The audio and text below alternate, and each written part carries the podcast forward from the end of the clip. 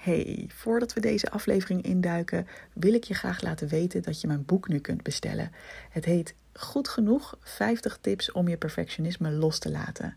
En je kunt het bestellen via evelienbijl.nl/slash boek. Ik ben super benieuwd wat je ervan vindt. Veel plezier met de podcast.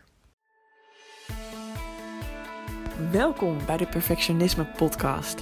Mijn naam is Evelien Bijl en als ex-perfectionist help ik je graag op weg naar een relaxter en gelukkiger leven door minder streng voor jezelf te zijn.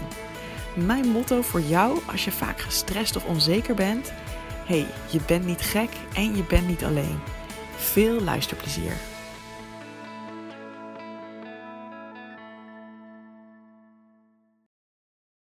Hey, super leuk dat ik hier zit. Niet in mijn eentje, maar met Maarten Vogelaar van loveupdate.nl. Maarten, super leuk dat ik jou mag spreken. We ja, super. Je spreekt het ook zo mooi uit. Love Update. een beetje verkopen, toch? Hey, superleuk. We hebben net een heel tof gesprek gehad over jouw podcast. Uh, en ik heb al een klein beetje natuurlijk uitgezocht hè, wie, wie ik tegenover me heb. Maar wil jij aan de luisteraar van deze podcast kort vertellen wie ben je eigenlijk en wat doe jij?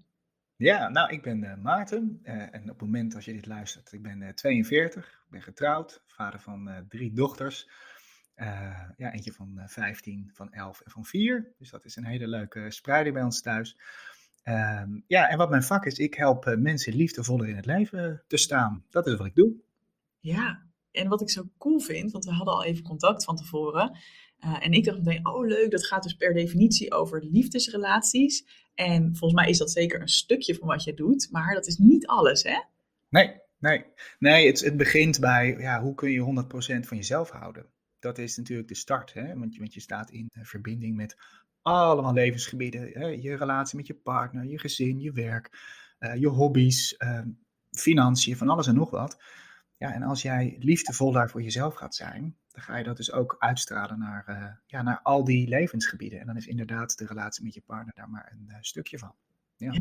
Heel cool. Ja, ik, ik heb al helemaal het idee dat wij super op één lijn zitten. Want ik, toen ik op jouw site zat, zag ik ook meteen ergens de woorden goed genoeg langskomen. Nou, iedereen die mij al wat langer volgt, die weet dat dat ook de naam is van mijn boek en van mijn programma. Dus helemaal leuk. Hey, en Maarten, hoe ben jij eigenlijk hier gekomen? Dus hè, jij, jij doet dit nu. Ik weet dat jij ooit een ander beroep had.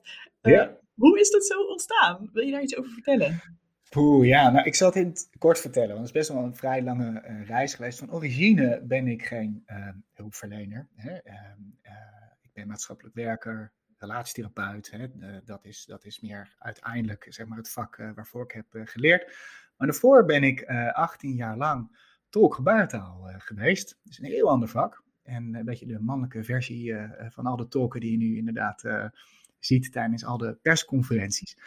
Uh, het met heel veel plezier gedaan. En ik heb altijd in vaste dienst gewerkt bij een GGZ-centrum voor uh, doven.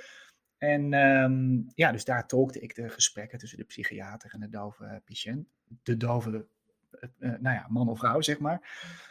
dat het twijfelen, patiënt, man. Ik hou net zelf van het, van het woordje patiënt, dus vandaar zeg ik altijd gewoon man of vrouw. En um, ja, dat ging eigenlijk allemaal best wel prima. Uh, totdat ik op een dag, weet ik nog heel goed, een therapiesessie uh, tolkte. En die uh, dove psycholoog die, die zei van, nou gaan we lekker aan de slag. En mijn handen gingen letterlijk niet meer omhoog. Mijn handen gingen niet meer omhoog. Mijn, mijn spieren stonden zo strak, zo stram. Nou ja, dat is te vergelijken alsof je gewoon je hand voor je mond houdt en gewoon letterlijk er niks meer uit je lijf komt kon mijn vingers ook niet meer bewegen. Dus ik dacht, wow, wat is dit? Dus ik heb die sessie moeten afblazen en een andere collega moeten vragen om die inderdaad over te nemen. Nou ja, je, dan kom je in een traject terecht van huisarts en uh, dan, dan wordt het uh, dingen gezegd als overbelasting, RSI en dan bleek het ook daadwerkelijk te zijn. Nou, dan ging ik dat heel erg onderzoeken van waar komt dat eigenlijk door? Nou, er zit ook een enorm lichamelijk component aan vast. Nou, lichaam, geest en ziel zijn één natuurlijk. Dus toen kwam ik erachter van, wow, ik ben volgens mij wel heel erg perfectionistisch. Ik zat daar in een team van mensen die al twintig jaar in het vak zaten. En ik kwam net van de opleiding. Was echt een groentje. Nou, ik was 20, 21. Dus de prestatiedruk die was enorm hoog. En het was ook heel moeilijk. Want je zat ook echt met hardcore psychiatrie had je te maken. Dus ja, niet de standaard gebarentaal. Mensen, ja, die zitten er niet voor niks, om maar even zo te zeggen. Dus het was ook heel moeilijk om ook goede vertalingen te geven. Dus dat, dat presteren, dat zat er enorm in. Ja, wat, zal, zal ik gewoon maar verder vertellen gewoon hoe die reis was? Ademloos naar je te luisteren, joh. Ik, ik wil altijd weten, hoe ging dit verder? Hoe loopt het af? ja, precies.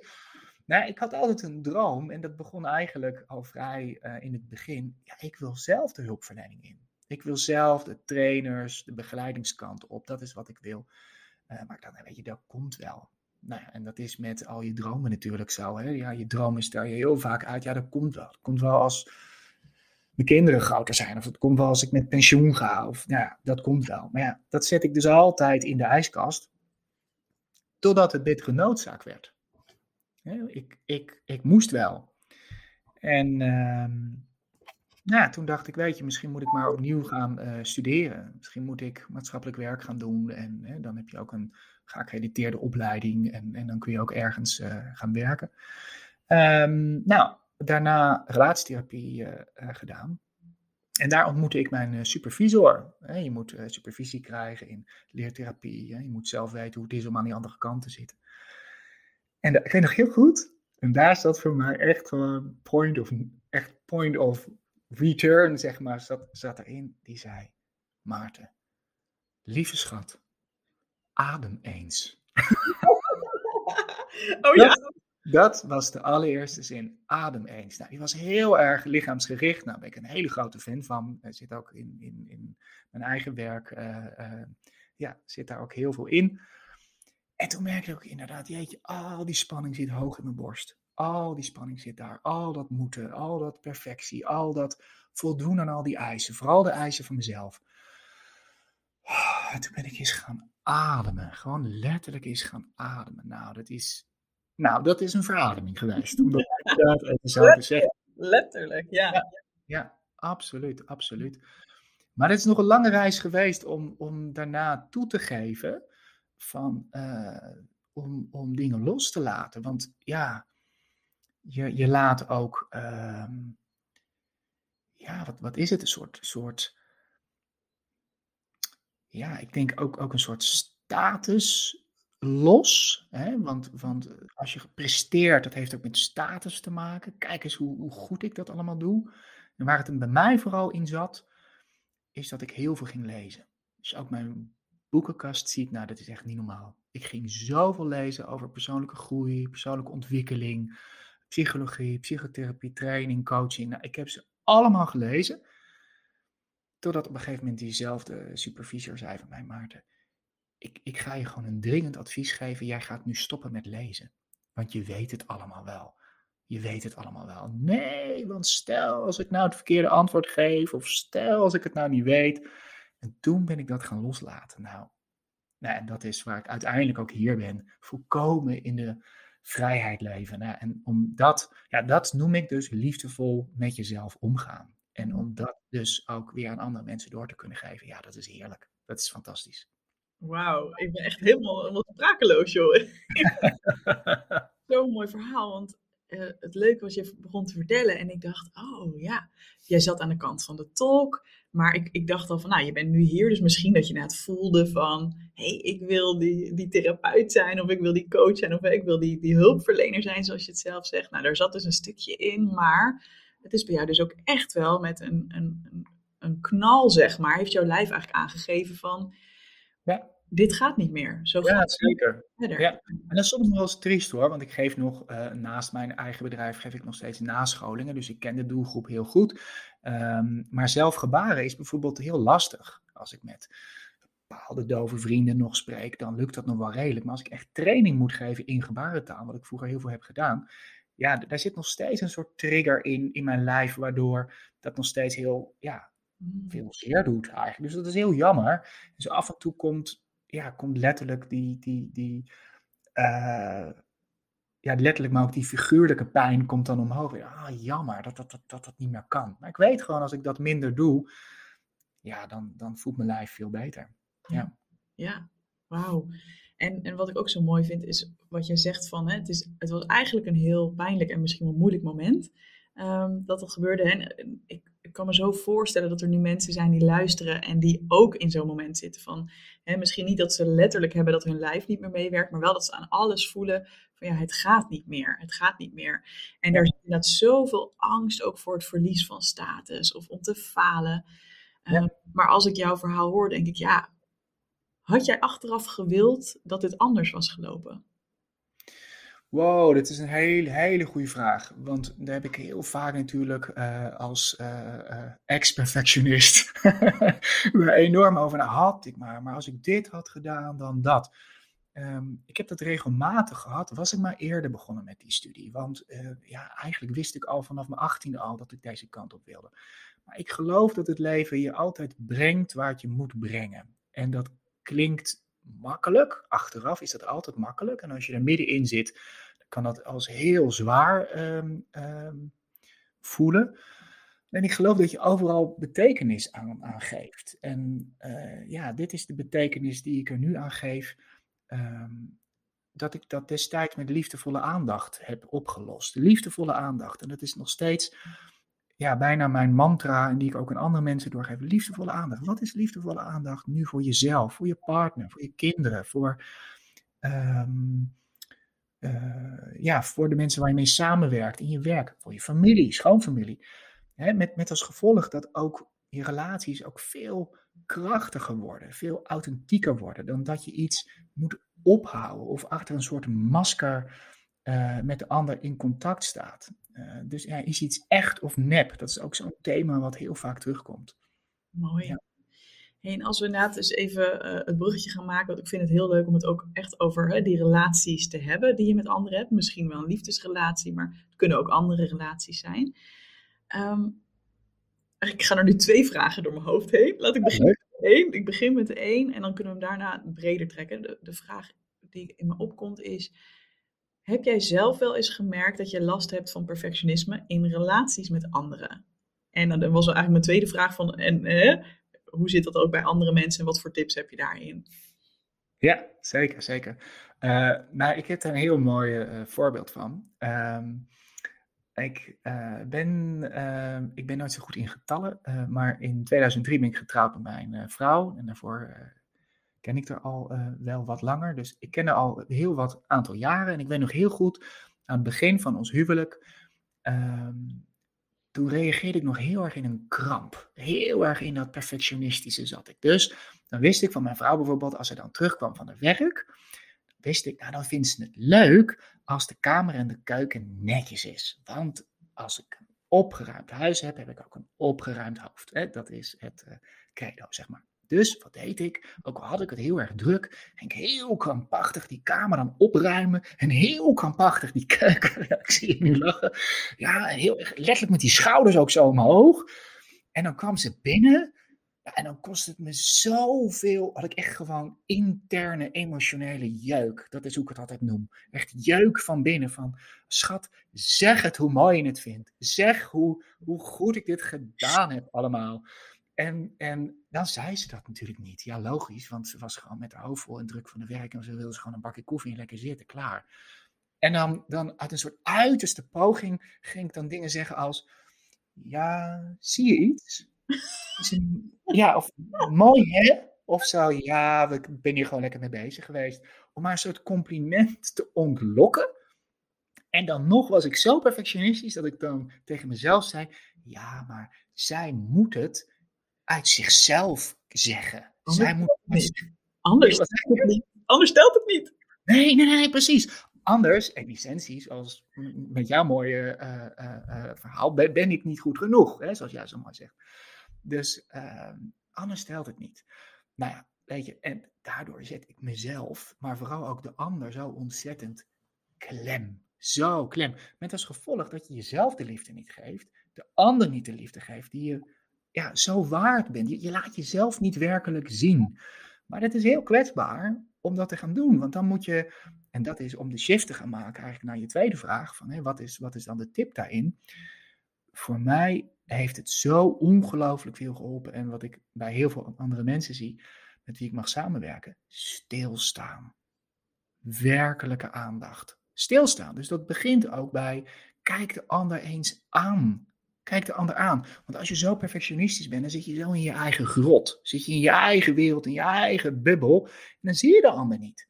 Dus als je stil staat, kijk de ander aan. Hoe kijkt hij? Heb ik contact? Heb ik werkelijk contact? Want je kunt wel met je man of vrouw of kind of wie dan ook verbinding hebben, maar dan heb je nog niet werkelijk contact. Ik zie het echt als zo'n ouderwetse um, draaitelefoon met zo'n draaischijf. Dan kan je wel bellen, mm. heb wel verbinding, tuut, tuut, hè, dan gaat hij over. Maar je hebt nog geen contact. En dat begint pas als je iemand werkelijk ziet. Werkelijk ziet voor wie die is.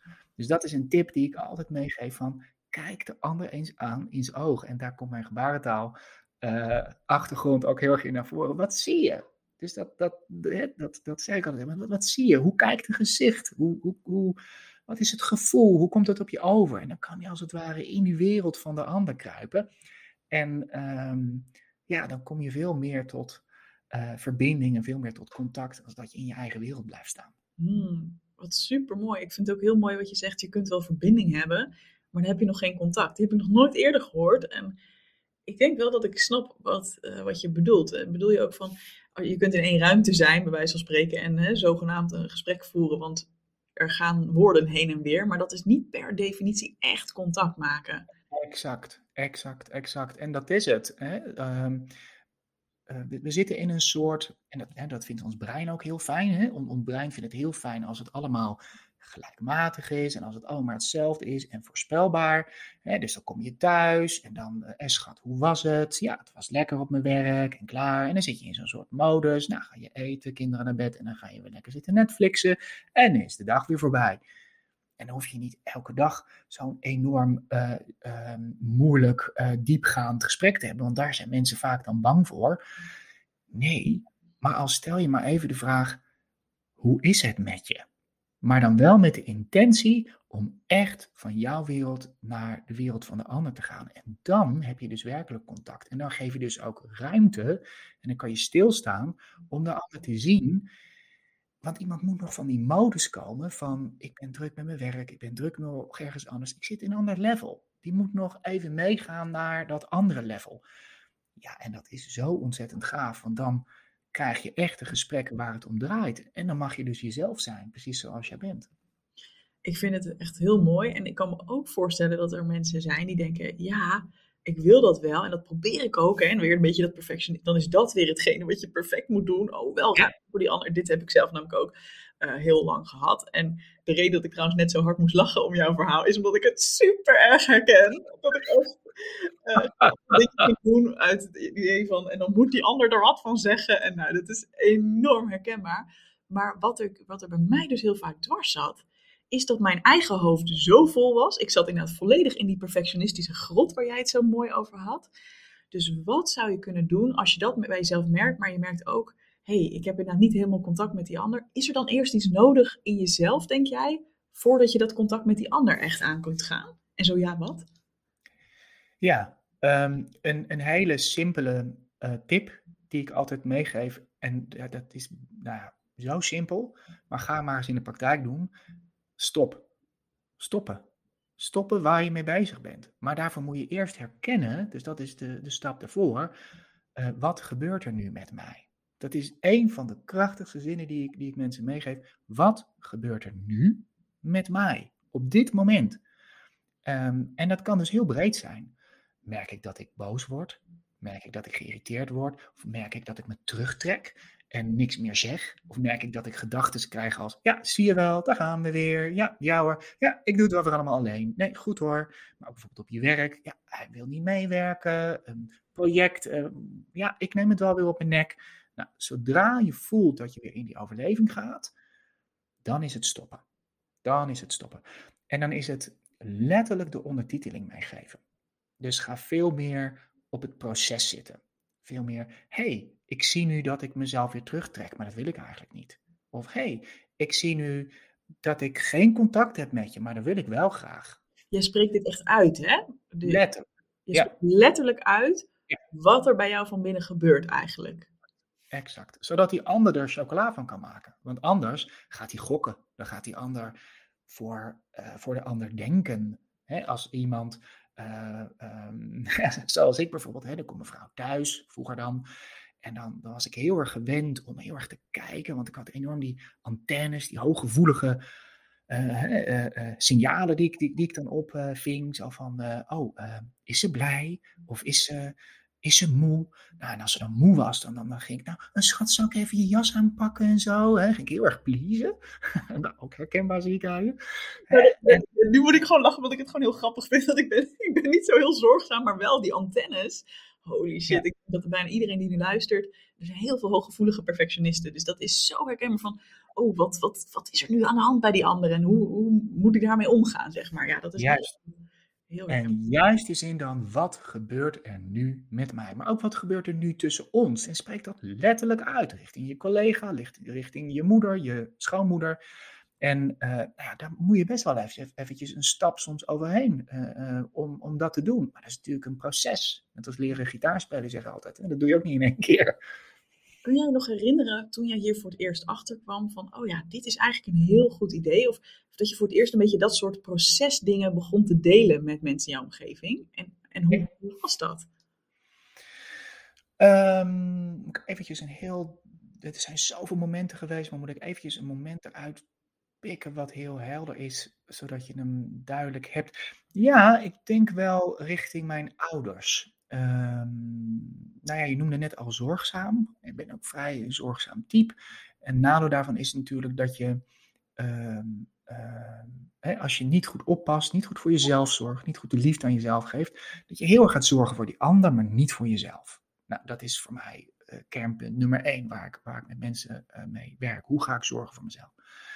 Um, en wat er dan bijvoorbeeld gebeurde in een gesprek met, met, met mijn vader of met mijn moeder, dan, dan zeiden ze iets, terwijl ik eigenlijk dacht, ja, daar ben ik het helemaal niet, niet zo mee eens. Alleen ik ben heel erg, ik kom uit een generatie waarbij ja, je vader of je moeder die zegt iets, en dat is gewoon je vader en je moeder, daar heb je gewoon respect voor te hebben. dus ik had er altijd heel veel respect voor, ook al zou het over mijn grens heen gaan. Nou, hebben ze nooit gekke, rare Ik, ik heb hele lieve vader moeder, nooit gekke, rare dingen gedaan, die heel erg over mijn grens is gegaan.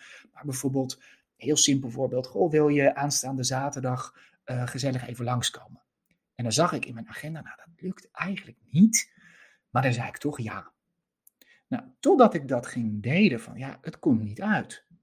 En dat is heel raar, want die ander moet daar namelijk ook aan wennen. Want als jij namelijk je grenzen gaat aangeven, um, leren nee zeggen, zeggen mensen vaak, maar dat vind ik altijd zo'n heel moeilijk iets. Want ja, leren nee zeggen, het is ook leren ja zeggen. Hè? Dat, dat is het soms ook wel eens. Ehm, en ehm, dat doet ook wat met die ander, want die moet wennen. Die denkt, verrek, maar die zegt altijd, ja, ja hoor, komt altijd wel goed uit. En toen weet ik nog heel goed dat ik de allereerste keer dat ik dat zei, was het stil aan de andere kant van de lijn. Het was stil. Ik hoor, en, en dan komt weer dat oude gevoel hè, van, die ademhaling gaat omhoog. Oh, stilte, help, heb ik het fout gedaan? En dan voel je bijna weer, nou, het kan toch ook wel hoor. Dat je dat bijna weer, weer wil gaan zeggen. Nee, dan is het zoals ze dat, en ik heb in Vlaanderen mijn opleiding gedaan, zoals ze dat mooi zeggen daar, verduren. Dus verduren. Ga het verduren. Stilstaan. En elke keer weer, wat doet het met mij? Wat gebeurt er nu met mij? Oh ja, nu vind ik het moeilijk, want nu ehm, eh, voel ik dat ik nu moet gaan reageren. Nee, ga maar stilstaan. Dus dat is heel krachtig, dat, dat stilstaan erin. Is dit een beetje een, een ja. Zo'n mooi voorbeeld, zo'n mooi voorbeeld. Ik vind het zo, zo cool. En ik heb het ook heel vaak over uh, hè, dat als je gedrag wil veranderen, dus in dit geval als je bijvoorbeeld meer je grenzen wilt leren aangeven, omdat je misschien wel meer tijd voor jezelf wil, of nou, wat voor reden dan ook, dan zal er altijd ongemak bij komen. En dat, is, dat heb je hier zo mooi verteld van ja, dat voorbeeld van je moeder, dat je dat ongemak voelt en dat je dan inderdaad eigenlijk is dan een neiging, oh, hè, ik ga weer in dat oude patroon, oh nee, ik kan toch wel, please, please, please. Maar inderdaad, kan je het verduren, kun je het verdragen, kun je, er, kun je daarmee zijn? Ja, uh, love ja. Ja, want dat is, dat is precies namelijk waar, waar het hier over gaat en waar ook Love Update over gaat. Het gaat over in essentie de relatie met jezelf. Hoe kan ik die liefdevoller maken? Maar dus ook al de relaties waar je mee in verbinding staat. Want het, ik heb nou, hoe, hoe meer ik hiermee bezig ben en, en hoe meer ik al die transformaties bij die mensen zie, waar ik, waar, waar ik mee werk, is dat elk contact wat je met iemand hebt, nu heb ik dat ook met jou, maar dat kan met je gezin zijn of met iemand op straat of in de winkel, dat is een kans om um, liefdevoller te zijn voor jezelf en dat dus te spiegelen naar, naar die ander toe. Want ja, je ziet jezelf via de ogen van de ander. En zeker in liefdesrelaties, ja, daar zit dat groeimoment. Daar zit op het moment wanneer je denkt van, ja, nu vind ik het moeilijk en nu wil ik terugtrekken of nu wil ik me groter maken dan dat ik ben. Ja, dan zit er groei. En dan moet je hem grijpen. En dat is niet makkelijk. Maar als je daar met z'n tweeën uh, dan verder in weet te komen, ja, dat is nou, wat ik altijd noem magisch. Dat is magisch. Dan, dan kom je op een level ja, waarbij je ja, in, in een flow komt. Ja, ja, ja te gek. En je zei ook al even, hè, van het belangrijkste eigenlijk daarbij is liefdevol naar jezelf zijn. Daar begint het mee. Ik denk inderdaad dat dat ook meteen de grootste uitdaging is voor veel perfectionisten. Want hoe doe je dat dan eigenlijk? Heb jij ook inderdaad, want je zei ook van, eh, als het ging om je werk, hè, de ontwikkeling die je daarin hebt gemaakt, achteraf gezien dat het heel belangrijk is geweest dat jij liefdevol, liefdevolle aandacht eigenlijk aan jezelf en dat proces hebt gegeven. Hoe doe je dat, Maarten? Als je daar nog nooit mee bezig bent geweest, hoe doe je dat dan? Ja, ja, zeker. Maak een hele kleine stap. En neem, weet je, ik, ik ehm, eh, doe in mijn uh, Love Your Life programma, wat dat heet, doe ik al de levensgebieden ga ik langs. En een van die levensgebieden is bijvoorbeeld gezondheid, voeding. Uh, nou, nu ben ik geen voedingsexpert, maar ik kan wel uh, heel goed um, uh, nagaan van hoe ga jij om met voeding? Dus welke betekenis geef jij daaraan? Nou, ik heb heel veel freelance werk gedaan vroeger, dus als ik vroeger um, dan langs de Shell ging of wat dan ook, dan haalde ik altijd een Mars of een ballisto. Oh, wat vond ik dat lekker. Vond ik heerlijk, echt. Maar ja, daar vrat ik er drie van op. Want dat, dat, dat vond ik heerlijk. Dus dat was een bepaald patroon waar ik in zat. Nou, niet alleen dat, maar ook s'avonds, dan vrat ik weer een zak chips weer weg, want dat was gezellig, want dat was vanuit huis uit, was dat die betekenis. Hè? Uh, gezelligheid is lekkere dingen op tafel. Totdat ik één stap ben gaan veranderen. Eén klein dingetje. Dan vrat ik s'avonds nog wel chips. maar overdag ging ik niet meer die mars halen. Of ging ik niet meer al die dingen. En dan was ik trots op mezelf. Dan zei ik, wauw, nu is het gelukt dat ik deze hele kleine stap maak. Dus ik ga met mensen ook langs al die gebieden van welke kleine stap kun je nu maken. En dat kun je vandaag al doen. een, een, een groot resultaat, als je dat wil hebben, daar is altijd een kleine stap voor nodig. Alleen als je zo perfectionistisch bent, dan denk je altijd groots. Dan denk je in Z. Ik moet van A naar Z. Terwijl er zit nog B tot en met van alles uh, zit er nog bij. Dus hoe kan ik die kleine stap maken?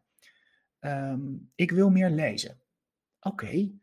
Um, in mijn geval dan niet. Ik wil niet van meer lezen. meer dan klaar mee. Behalve jouw boek natuurlijk. Hè. Maar nu, nu ben ik veel meer uh, veel kieskeuriger. Hè? Dat ik denk oké, wat gun ik mezelf nu? En waar ben ik nu mee bezig? En maak ik nu een kleine stap er ergens in? Uh, dus ik wil meer lezen. Nou, oké. Um, dan is de allereerste stap dat ik misschien naar een site toe ga. En dat ik eens ga kijken, wat vind ik eigenlijk allemaal leuk? In plaats van dat je in je hoofd allemaal bedenkt, ja, het moet hiermee te maken hebben, of daarmee, of het moet wel goed, of het moet goedkoop, of bla bla. Nee, maak eerst die kleine stap. Ga eens kijken van wat, wat, wat vind ik leuk. Um, nou ja, ze, ze, kan nog wel doorgaan. Dus, dus maak, maak die kleine stap. Ja, precies. En, en als ik het zo hoor, hè, want ik, ik ben zelf altijd, ik word heel erg getriggerd als het over eten gaat. En dan komt ook, mm-hmm. um, uh, ik ben zelf heel streng geweest uh, op, voor mezelf wat eten mm-hmm. betreft.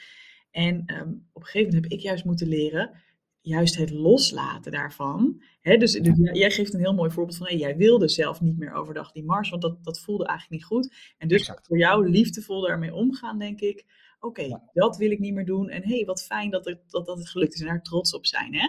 Maar, volgens mij zit het hem daar ook in hoe jij dat ook wel zegt van, dus kijk naar voor jezelf op verschillende gebieden in je leven wat jij fijn zou vinden en wat je anders zou willen.